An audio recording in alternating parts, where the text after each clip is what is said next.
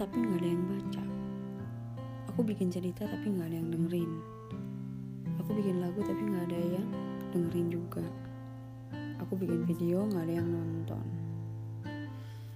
Kok nggak ada yang suka sih? Kok nggak ada yang tertarik sih?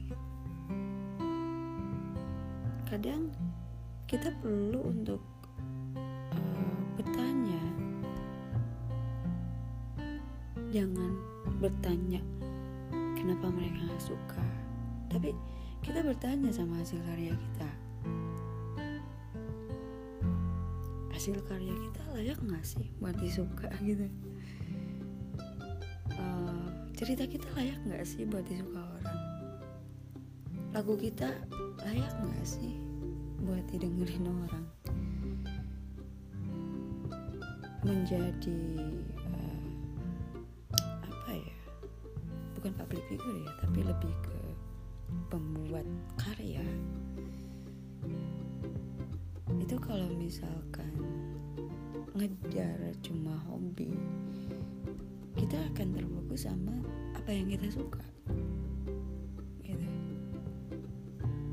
Kalau kita ingin disuka sama orang otomatis kita harus membuat sebuah karya yang memang uh, bisa dipublikasikan bisa dinikmati secara publik bisa dinikmati secara uh, luas oleh orang banyak.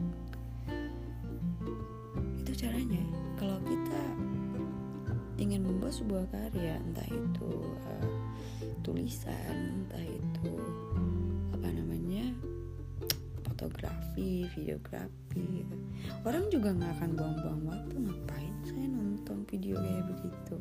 Ngapain saya baca cerita kayak begitu ngapain saya dengerin lagu kayak begitu? Pasti kan mikirnya kayak gitu.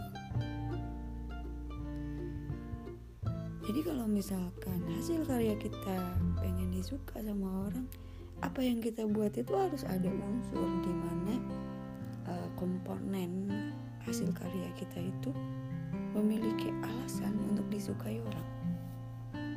Gitu. Kalau misalkan dalam cerita ya ceritanya yang berbobot berisi. Terus kalau misalkan dalam lagu uh, aransemen musik atau lagu apa liriknya itu lirik lagunya itu yang berbobot gitu. Jadi kayak itu alasan alasan orang untuk suka gitu. Jadi kita harus membuat alasan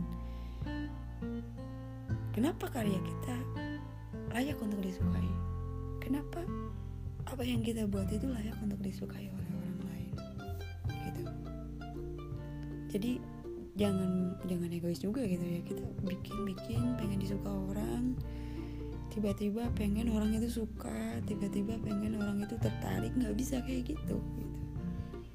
Kadang kitanya sendiri misalkan uh, misalkan seorang penyanyi ini ya lagunya sih biasa aja gitu kadang kadang biasa aja tapi uh, orang suka sama si penyanyi ini gitu.